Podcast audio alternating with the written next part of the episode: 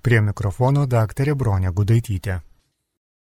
Garbėzu Kristui, mėly radio klausytojai, mes kalbam apie mistinę patirtį pagal Švento kryžiaus Jono mokymą ir nemažai skiriam dėmesio supratimui, kasgi yra.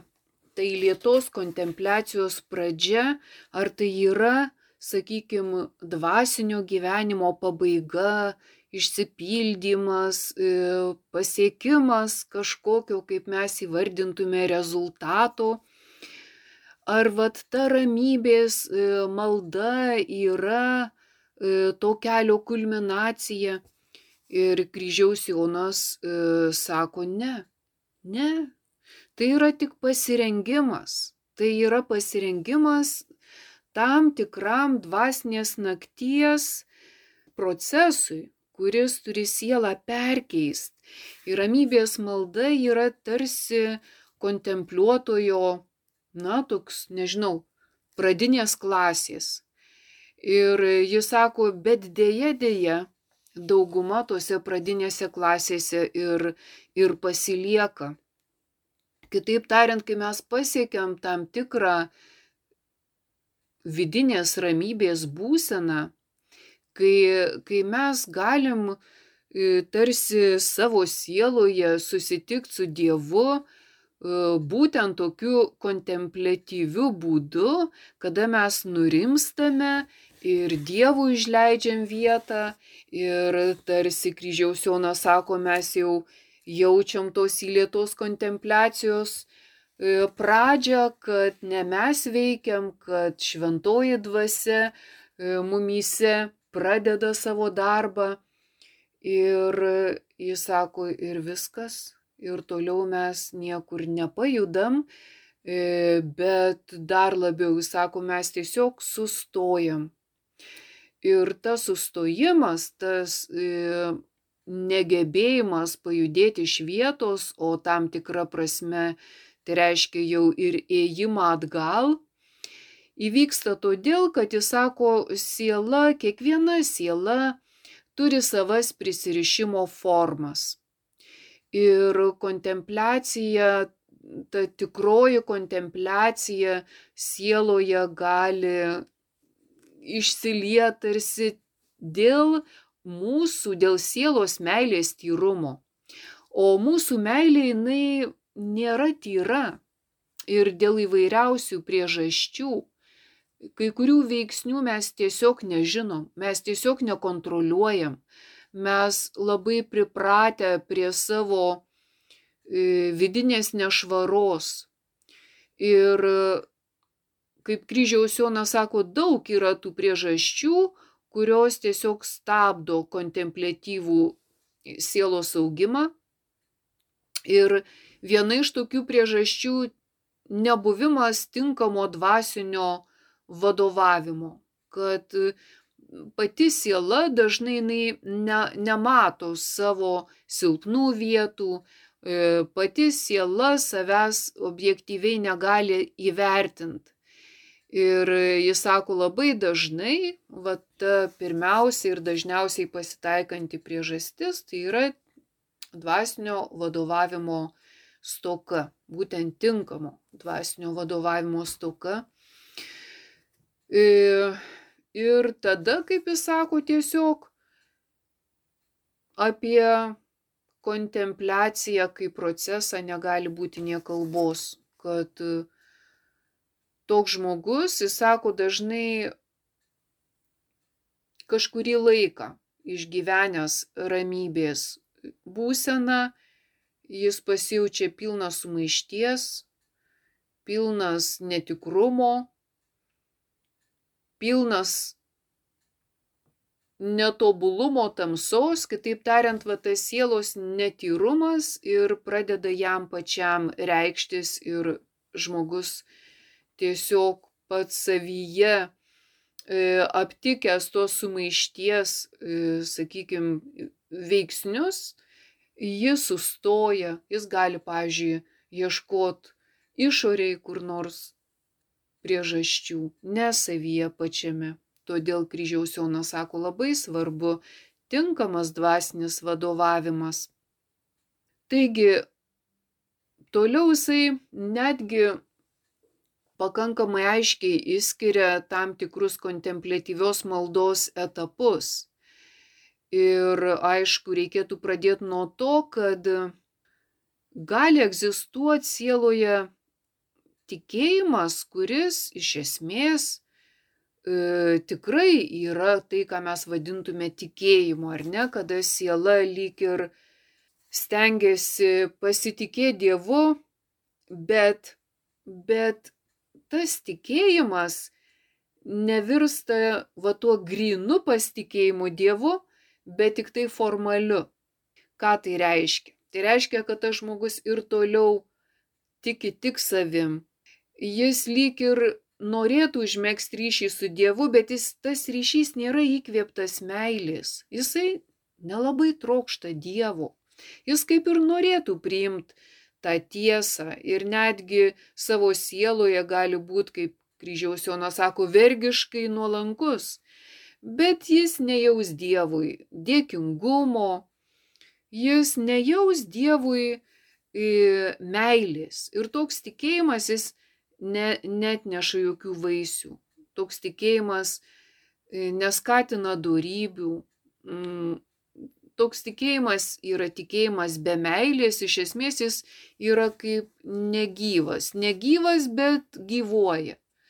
Ir tam reikia tokio vidinio valios judesio nuo savęs į Dievą. Ir tam, kad tikėjimui grįžtų tas gyvybės e, kvėpavimas, reikia, kad siela būtų performuota performuota, tai reiškia, kad mes įpratę e, vis tiek save laikyti centru. O tas e, tarsi performavimas, kad centras ne, ne aš. Kryžiaus Jonas sako, kad tik pati malonė gali kažkaip sieloje e, sukelt tokius valios judesius, kada siela pradės darbuotis iš meilės, iš meilės Dievui. Ir meilė Dievui jinai negali turėti pertraukų. Kitaip tariant, kad mes turėtume visada jaust tokią vidinę poziciją kaip meilę Dievui. Kryžiaus Jonas sako, kad sieloje be meilės Dievui yra meilė ir kitiems dalykams ir kaip tik užverda tokia vidinė kova kovojama dėl valdžios e, sieloje, vat, kuri ir kam ta meilė nugalės. E, jeigu nugali, dažniausiai tai ir nugali ta savi meilė. Tai reiškia, kad ta meilė, kuri nugali, jinai e, tiesiog toliau kaunasi dėl intelektų. Tai ką tai reiškia? Tai reiškia, kad ta meilė nori į savo pusę palenk kitas sielos galias. Intelektą, valią ir tada prasideda tos vidinės tokios diplomatinės gudrybės, kada žmogus tarsi pasiteisina, kodėl jam tai būtų parankiau. Taigi kryžiaus Jonas sako, kai mes pasirenkam kažkokią meilę, tai mes sielą nukreipiam į tą pusę. Ir todėl tas konfliktas jis ir yra dažnai toks, kad mes tarsi prote dar pasiliekam tą meilę ir tikėjimą Dievui, bet valioje nėra, mes valia netliekam to judesio, mes savo valia liekam meilėje kitiems dalykams, ar ne, mes kažką kitą statom į pirmą vietą. Ir tada gyvenimas tampa tarsi nuolatinis išsisukinėjimas, kompromisų ieškojimas, pasiteisinimų, e, visokių reikalingumas, e, tam tikrų dalykų vengimas arba ten kritikavimas. Ir iš tiesų tai siela tarsi sviruoja tarp Dievo ir mamonos, kaip, e, kaip Jėzus sakė, kad, nu, žodžiu, arba Dievu, arba mamonai, bet e, šitoje vietoje Kaip ir Jėzus sakė, kas nesu manim, tas prieš mane ir kas nerenka su manim, tas barsto. Kitaip tariant, jeigu žmogaus siela užvaldo ne Dievui meilė, o meilė kam nors kitam, tai tuomet jeigu ir kalbam apie tą kontempliacinį pažinimą, patyrimą, visa tai pavirsta tik tokiu atsieto mąstymo formalumu mes tai galim suprast, mes tai galim kažkaip lyg ir pritart tam dalykui, bet gyvenimo mes tam neskiriam. Taigi kryžiaus Jonas sako, va tai, kas užvaldo tavo sielą, tai, nu, tai ir yra tai, kuo, kuo tu gyveni. Ir kai jeigu siela užvaldo meilė Dievui, Tai žinoma, tada prasideda, kaip ir kalbėjom, tas ir intelektų įsitraukimas. Jeigu siela myli Dievą, ji nori ir pažinti Dievą, ji nori jam ir patikti, nori jam tarnaut, šlovint. Ir čia jau pasireiškia ir intelekto veiksmas, ir valios veiksmas. Ir kryžiaus Jonas sako, skirtingų temperamentų žmonės e, skirtingai Dievo ieškos bet vis tiek visos tos galios ir protas, ir valia įsijungs į, į šitą vieną sielos veiklą. Na ir tokia graži citata, bet kiekvienu atveju savokos ir teiginiai, kurių moko tikėjimas, yra kaip adatos auselį. Pati tikėjimo dorybė yra adata. Mūsų intelektas ir valia, kaip dvigubas siūlas, privalo būti įverti į adatą ir jos pertraukti per neiškumo šydą skiriantį mus nuo dievų. Be tikėjimo adatos pro šydą neįmanoma prasiskverbti. Taigi tikėjimas ir meilė ir viltis jos eina iš vien, bet kaip šitoje citatoje sakoma, be tikėjimo adatos pro šydą neįmanoma prasiskverbti. Taigi, pirmuose mūsų vidinio gyvenimo etapuose protas ir jausmai jie labai lengvai įsigilina į tikėjimo ir proto siūlomas savokas apie Dievą. Ir viskas mums čia malonu ir aišku, tarsi tu viską supranti ir net gali pritarti ir E, apofatinės teologijos ir nesiūlomiems teiginiams, kad apie Dievą nieko negali teigiant pasakyti. Siela taip gerai jaučiasi pradžioje, kad jinai viskam pritarė ir tada tas Dievo pažinimas teikia tik tai džiaugsmą.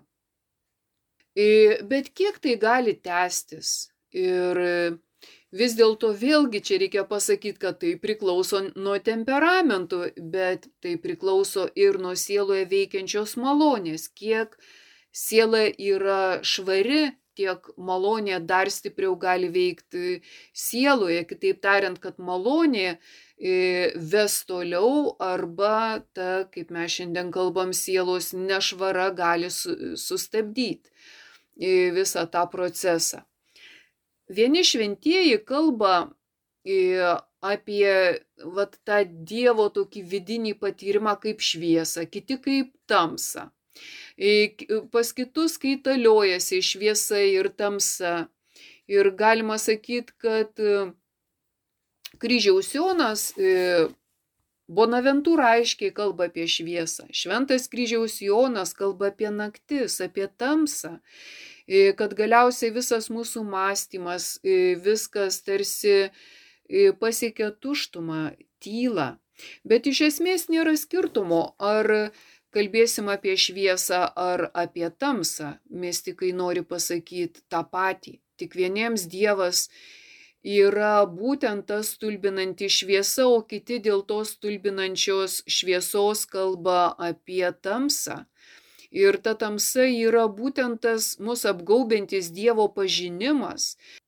Šviesos mystikai irgi kalba apie Dievo pažinimą per vaizdinius savokas, per vidinį apšvietimą šventosios dvasios, bet ir tamsos mystikai kalba apie nežinojimo debesį.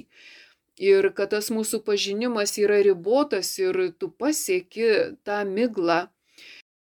Tai mes matom, kad ir šviesos mystikai, kaip šventas Bernardas Klervietis ar kryžiaus Jonas, kuris e, kalba apie, apie naktį, jutimų naktį, dvasios naktį, jie iš tiesų kalba apie tą patį.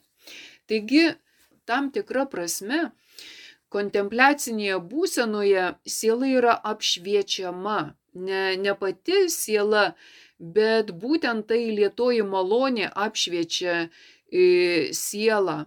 Ir tas apšvietimas, kaip šventas Tomas Akvinėtis sako, kad ta mistinė išmintis iš, iš tikrųjų yra meilė.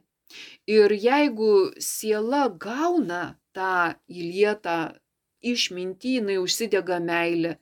O meilė tai, kas e, siela ir daro giminišką su Dievu. Meilė suvienyje sielą su Dievu. Ir čia ir yra ta mistinė e, vienybė. Taigi vakl, e, valia yra akla, e, pažinimo mes neturim tokio, kokį mes norėtume turėti, bet atvirai kalbant ir per meilę mes siekiam pažinimo.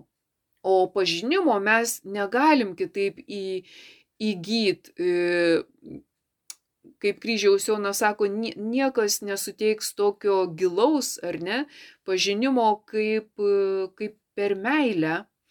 Bet e, nes pats intelektas jis ne, negali duoti tokio grino pažinimo apie Dievą. E, Dievas yra be galo daugiau negu mūsų mąstymas gali kažką apie jį pasakyti. Bet e, šventoji dvasia, kai ima veikti mūsų sieloje, tuomet pažadina meilę.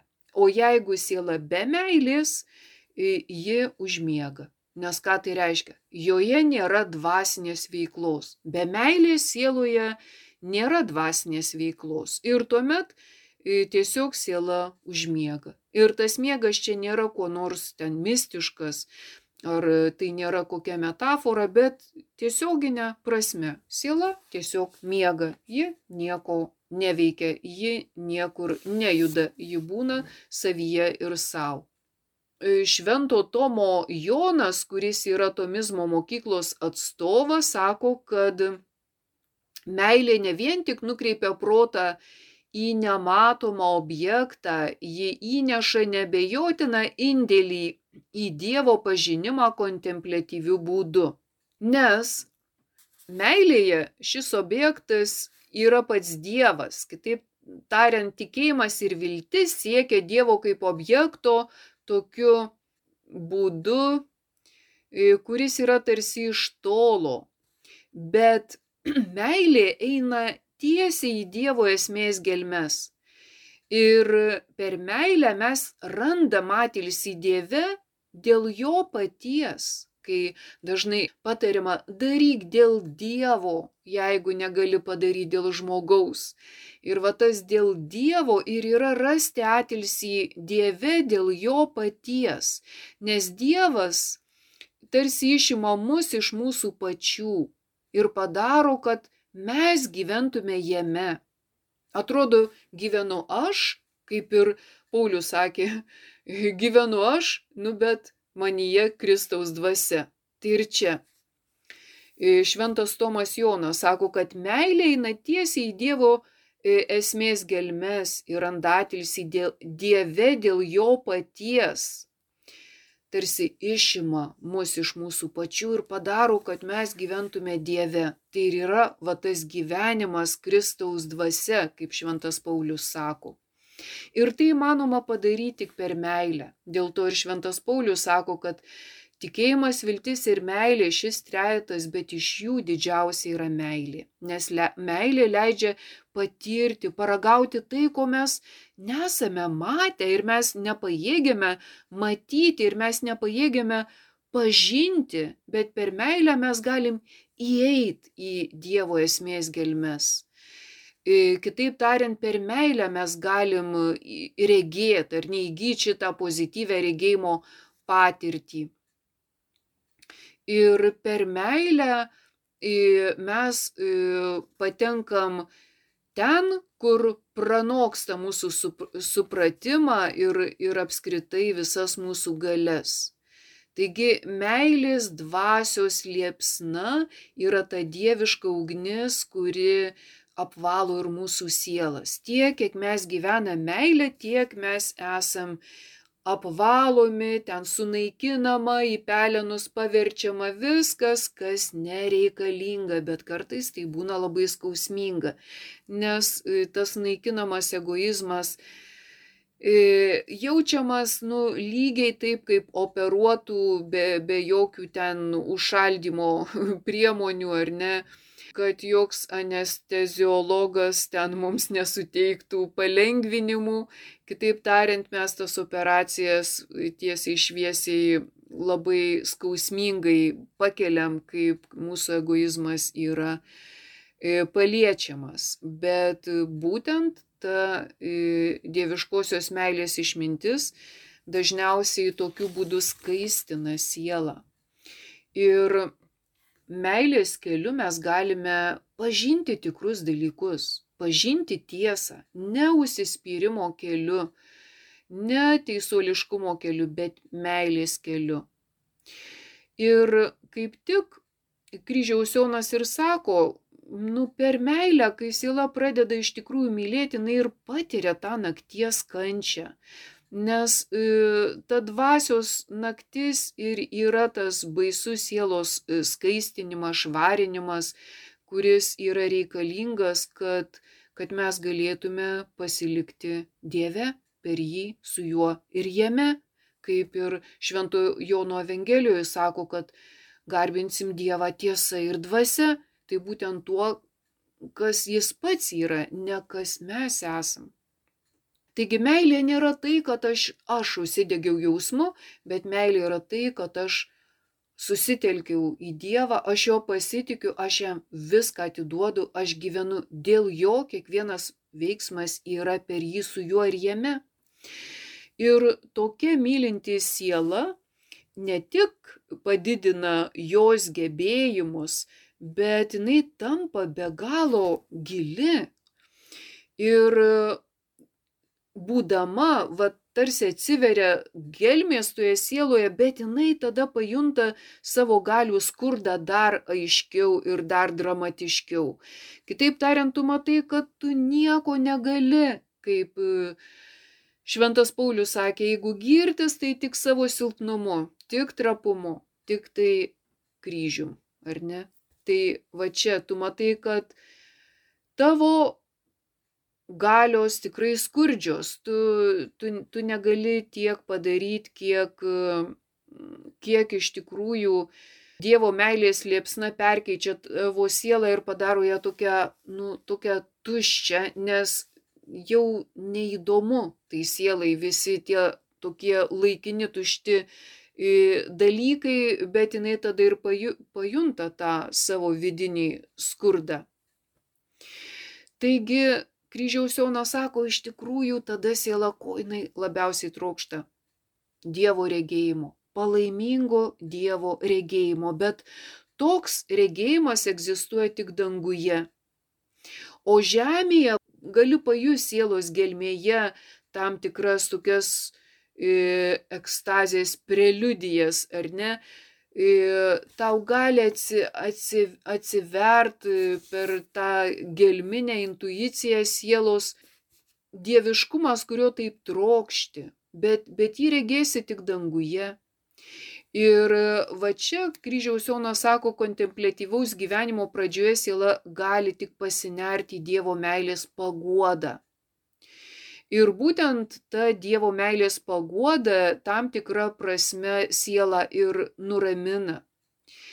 Nie, niekas neprapuolia, bet siela supranta, kad jinai žemėje neregės Dievo taip, kaip regės jį danguje.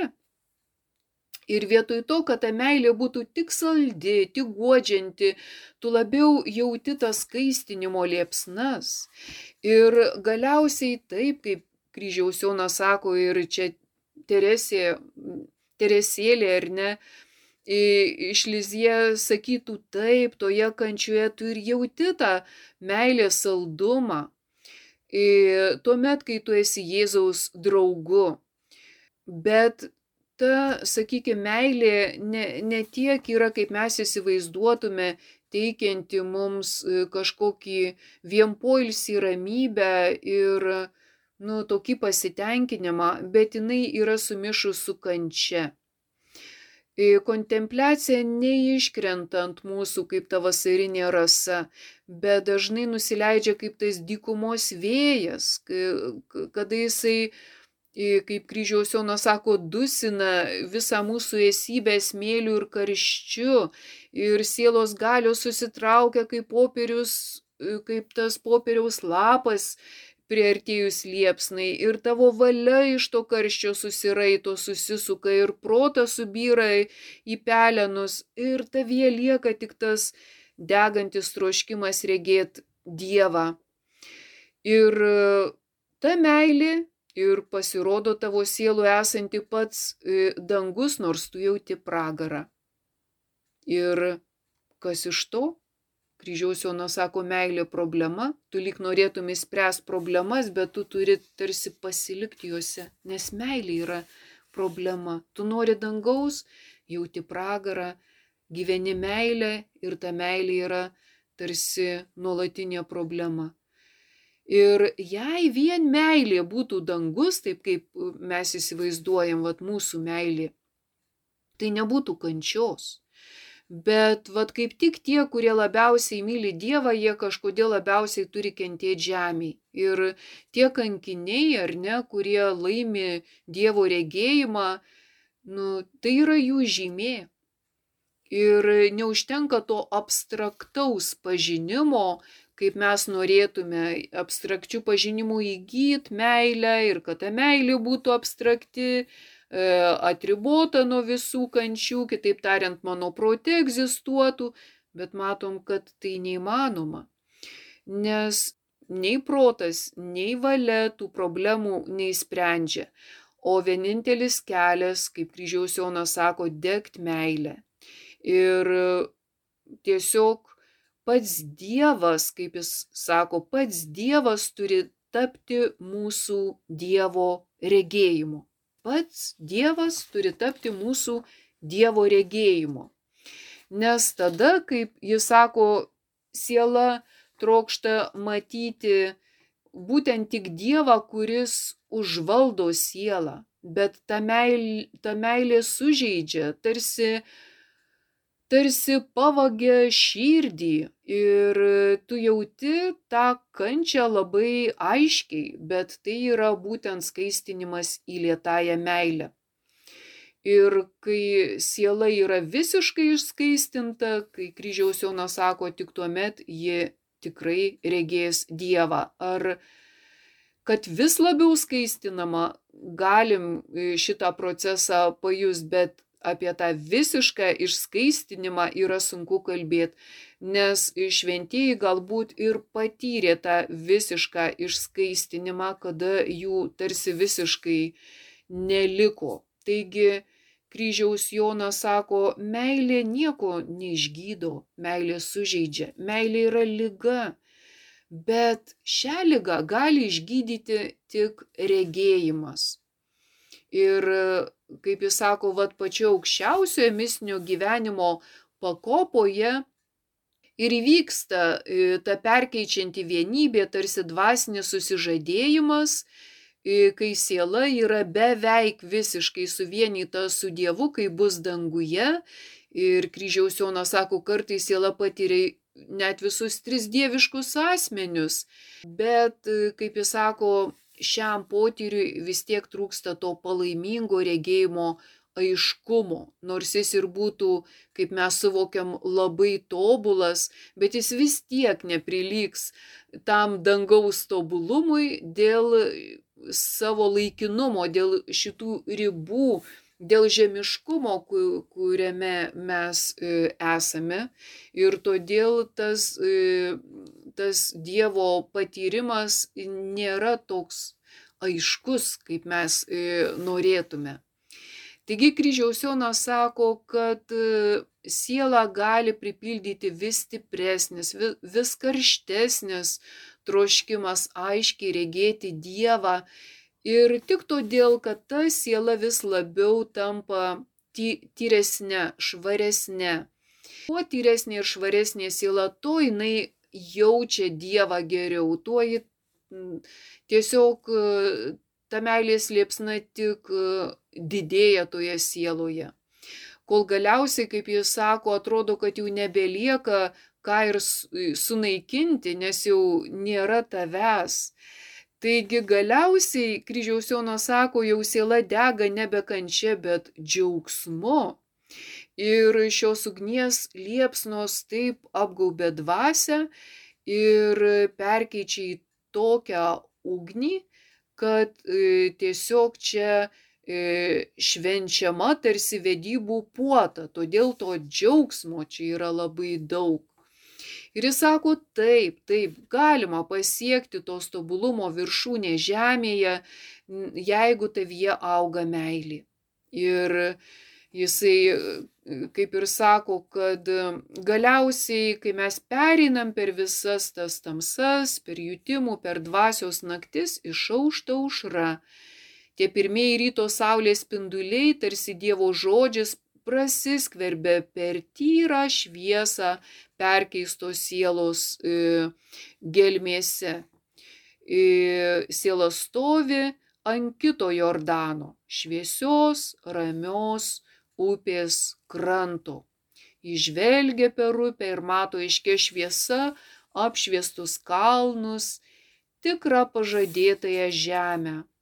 Jei iki pat esmės gelmių pradeda žavėti švarus prieskonių, balzamų pilnas miškų aromatas, įstovė ant upės kranto nuostabus švelnus, naujo pasaulio vėjas glausto jos kruostus, akių vokus, plaukus, Dabar jis žino, kad šalis, jos kažkada laikyta Kananu, skurdi, nederlinga žemiškos kontempliacijos žemė, buvo nedaugiau kaip dykuma, sausuolų dykvietė, į kurią ji nelengvai pabėgo nuo tuščios Egipto išminties. Taigi, ta pažadėtoji žemė yra Dievas ir šitoje žemėje jau niekas neprarandama. Čia viskas šviečia, Ir siela mato save būtent Dieve. Siela mato visą pasaulį, visus esinius, visus gyvus ir mirusius žmonės, ir didelės, ir mažas sielas, ir šventuosius. Jie yra su jais kartu, nes viskas yra vienis, viskas yra Dievas, viskas yra Kristus. Va čia ir yra ta pažadėtoji žemė. Taigi kryžiaus Jonas sako, džiūgaukime, taip jis pradeda savo paskutinius e, posmus, džiūgaukime. E, taigi matom, kad tarsi tikrai e, mes viską išgyvenam kaip, kaip kažkokį poetinį vaizdą. Bet čia panašiai kaip Šventas Paulius e, sakė, kad dabar mes regime lyg veidrodyje, mislingų pavydalų, o tuomet regėsime akis į akį. Dabar pažįstu iš dalies, o tuomet pažinsiu, kai pats esu pažintas. Tai va tas regėjimas mislingų pavydalų, lyg iš dalies, ar ne, tai ir yra vat, tas, kaip kryžiaus Jonas pasakoja tarsi apie tą pažadėtąją žemę, į kurią įžengia tavo e, siela ir kaip jis sako, džiūgaukime, ženkime gilyn į miško tankmes. Taigi, nėra dar to kaip Paulius sako, pažinsiu, kaip pats esu pažintas danguje, tai pažinsiu, kaip esu pažintas. Bet kryžiaus Jonas tarsi perfrazuoja šitą teiginį. Jisai sako, te būsiu taip tavo grožyje perkeistas, kad būdami panašus grožiu, abu regėtume save tavo grožyje, nes aš būsiu graži tavo grožiu, tad pažvelgiai vienas kitą, abu galėsime regėti kitame savo grožį, abiejų grožiui esant tik tavo grožiui ir manajam panirus į tavąjį. Taigi toks yra e, sielos regėjimas ir šventas kryžiaus Jonas kaip ir užbaigė čia savo doktriną, kurios taip kantriai mokė, Ir iš tikrųjų tai nekas kita, kaip pati tikriausioji katalikų bažnyčios doktrina. Tobulas Dievo regėjimas yra sieloje kaip tokia aiški intuicija.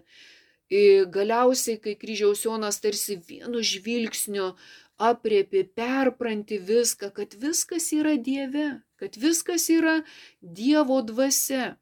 Ir kaip kryžiaus Jonas sako, kalnas ir kalva, ar ne, mini tokius simbolius. Ir tas kalnas ir, ir kalva. Kalnas yra tarsi Dievo ryto pažinimas, e, Dievo tobulumų regėjimas. O kalva yra tarsi mažesnis, tarsi vakaro pažinimas, tarsi kūriniuose atsispindintis Dievo tobulumų pažinimas bet iš tiesų ir viena ir kita yra sielos Dievo regėjimas e, vidinėmis akimis. Ir vakaro pažinimas nėra koks nors ten tik tai apgailėtinas samprotavimas apie Dievą, pasitelkus analogijas ar ten dedukciją, bet iš tikrųjų tai taip pat yra tas Dievo mat, matomas žėrėjimas kūrinyjoje Nes kaip ir šventas Benediktas sako, pasaulį ir visus daiktus turėtume surinkti kartu į vieną Dievo šviesos spindulį. Viskas yra viena. Ir kai kryžiaus Jonas sako, va nuo šio kalno, nuo, nuo šios kalvos teka tyras vanduo. Tas tyras vanduo yra be iliuzijų, be vaizdinių, be menkiausio neišmanimo žymė. Tai yra va tas tyras vanduo, tarsi e, pati Dievo dvasia mums teikia pažinimą. O miško tankmė, į kurią kryžiaus Jonas sako, eime ar ne į tą miško e, tankmę, simbolizuoja visus Dievo sprendimus, visus jo darbus, visus jo slėpinius, kuriuos mes ten ir apreiškimo istorijoje aptinkam. Tiesiog kryžiaus Jonas labai gražiai nusako kitoje citatoje, sako, siela trokšta įžengti į šią tankmę, į tuos nesuvokiamus sprendimus ir kelius, nesimiršta iš troškimo juos labai gerai pažinti, tai neįkainojamas džiaugsmas, pranokstantis visą, ką tik įmanoma jausti. Todėl Dovydas, kalbėdamas apie jų saldumą, sakė, viešpaties sprendimai yra tikri ir visiškai teisūs brangintini labiau už auksą, net už rinktinį auksą, saldesnį už medų, už griniausią korio medų. Tai kryžiaus Jonas sako, vad tie, kad tavo tarnas juos mylėjo ir jų laikėsi, todėl siela e, labai trokšta pasinerti į šiuos e, Dievo sprendimus ir juos pažinti. Ir to siekiant, e, kaip jis sako, sielai būtų didelis džiaugsmas ir paguoda ištverti ir visus pasaulio sielvartus, ir visus gautus išmėginimus, bei visa kita, bet ką, kas tik padėtų pasiekti šį tikslą, kad ir kaip sunku bei skausminga būtų. Taigi siela mieliau pereitų mirties kančias ir pavojus, kad tik galėtų į savo dievą įžengti giliau, esmingiau. Taigi matom, kad iš tikrųjų čia jis kalba apie Dievo sprendimus ir tie Dievo sprendimai reiškia ne ką kitą kaip didžiausią nu, nuolankų tikėjimą. Jis sako, nuolankumas yra privilegija, nuolankumas yra išimtis. Išimtis ta prasme, kad mes negalim perprast taip lengvai pasaulio, taip lengvai atskirt blogio, neteisybės paslapčių, bet per nuolankumą mes tarsi įgalinami, mes gaunam tą vidinę galę atskirti, kaip jis sako, perprasti pasaulį piktinančio blogio ir neteisybės paslaptis. Ši išmintis vienintelė geba išvelgti, kad blogis neturi galios prieš Dievą, nes net ir tų, kurie jo nekenčia, valia tėra Dievo meilės instrumentas, formuojantis jo išrinktųjų likimus, šlifuojantis jo amžinojo miesto akmenis. Taigi tie, kurie atmeta Dievą, jie tik dar labiau save kankina, bet kaip jis sako, vis tiek, galbūt tos kelionės e, gale e, jie įgis vat, tą naują laikyseną. Taigi Dievas šlifuoja jo miesto akmenis. Ir va čia, kaip jis sako, tas Dievo regėjimas jo sprendimuose ir reiškia tą mistinę Dievo veikimo istorijoje intuiciją. Dievo išmintis ir gailestingumas, kaip jis sako, nuolat formuoja visų mūsų gyvenimus. Ir kaip jis sako, suvokti Dievo veikimą Tai reiškia suvokti jo gailestingumą per teisingumą, o teisingumą matyti jo gailestingume. Ir, ir kaip jis sako, vat, kai tu matai teisingumą gailestingume ir gailestingumą teisingume, tai tu tarsi įgyji tą antgamtišką e, vidinį mokslą. E, kryžiaus Jonas e, vat, dar vieną tokią gerą citatą pasiūlo Kančia yra būdas sielai žengti toliau į nuostabios Dievo išminties tankmę, nes tyriausias kentėjimas kartu atneša slapčiausią ir tyriausią pažinimą. Taigi veda į tyriausią ir aukščiausią jo teikiamą džiaugsmą. Ir čia, kaip jis sako, mes kvėpuojam tuo tyru išretintų didelių aukštumų orų. Mes einam kalno keterą, kaip kokie alpinistai ir net galvas vaiksta nuo tų pokyčių. Ir kaip jis sako, o mažatikiams dar labiau. Taigi šitoje vietoje mes tikrai matom, kad šventoji Teresė iš Liziejai tikrai, tikrai keliavo po tas gilias tankmes taip toli, kaip ir jos mokytojas kryžiaus Jonas. Nes jausti kančioje džiaugsmą oi, čia reikia nukeliauti labai labai toli. Taigi gavėnios laikotarpis priimkim visus išbandymus, visus sunkumus, visas kančias, kad mūsų siela tikrai taptų skaistesnė, švaresnė ir kad mes dvasios akimis galėtume vis aiškiau regėti Dievą ir kad ta mūsų vidinė intuicija stiprėtų mumise. Ačiū uždėmesį su Dievu. Laidoje kalbėjo daktarė Bronė Gudaitytė.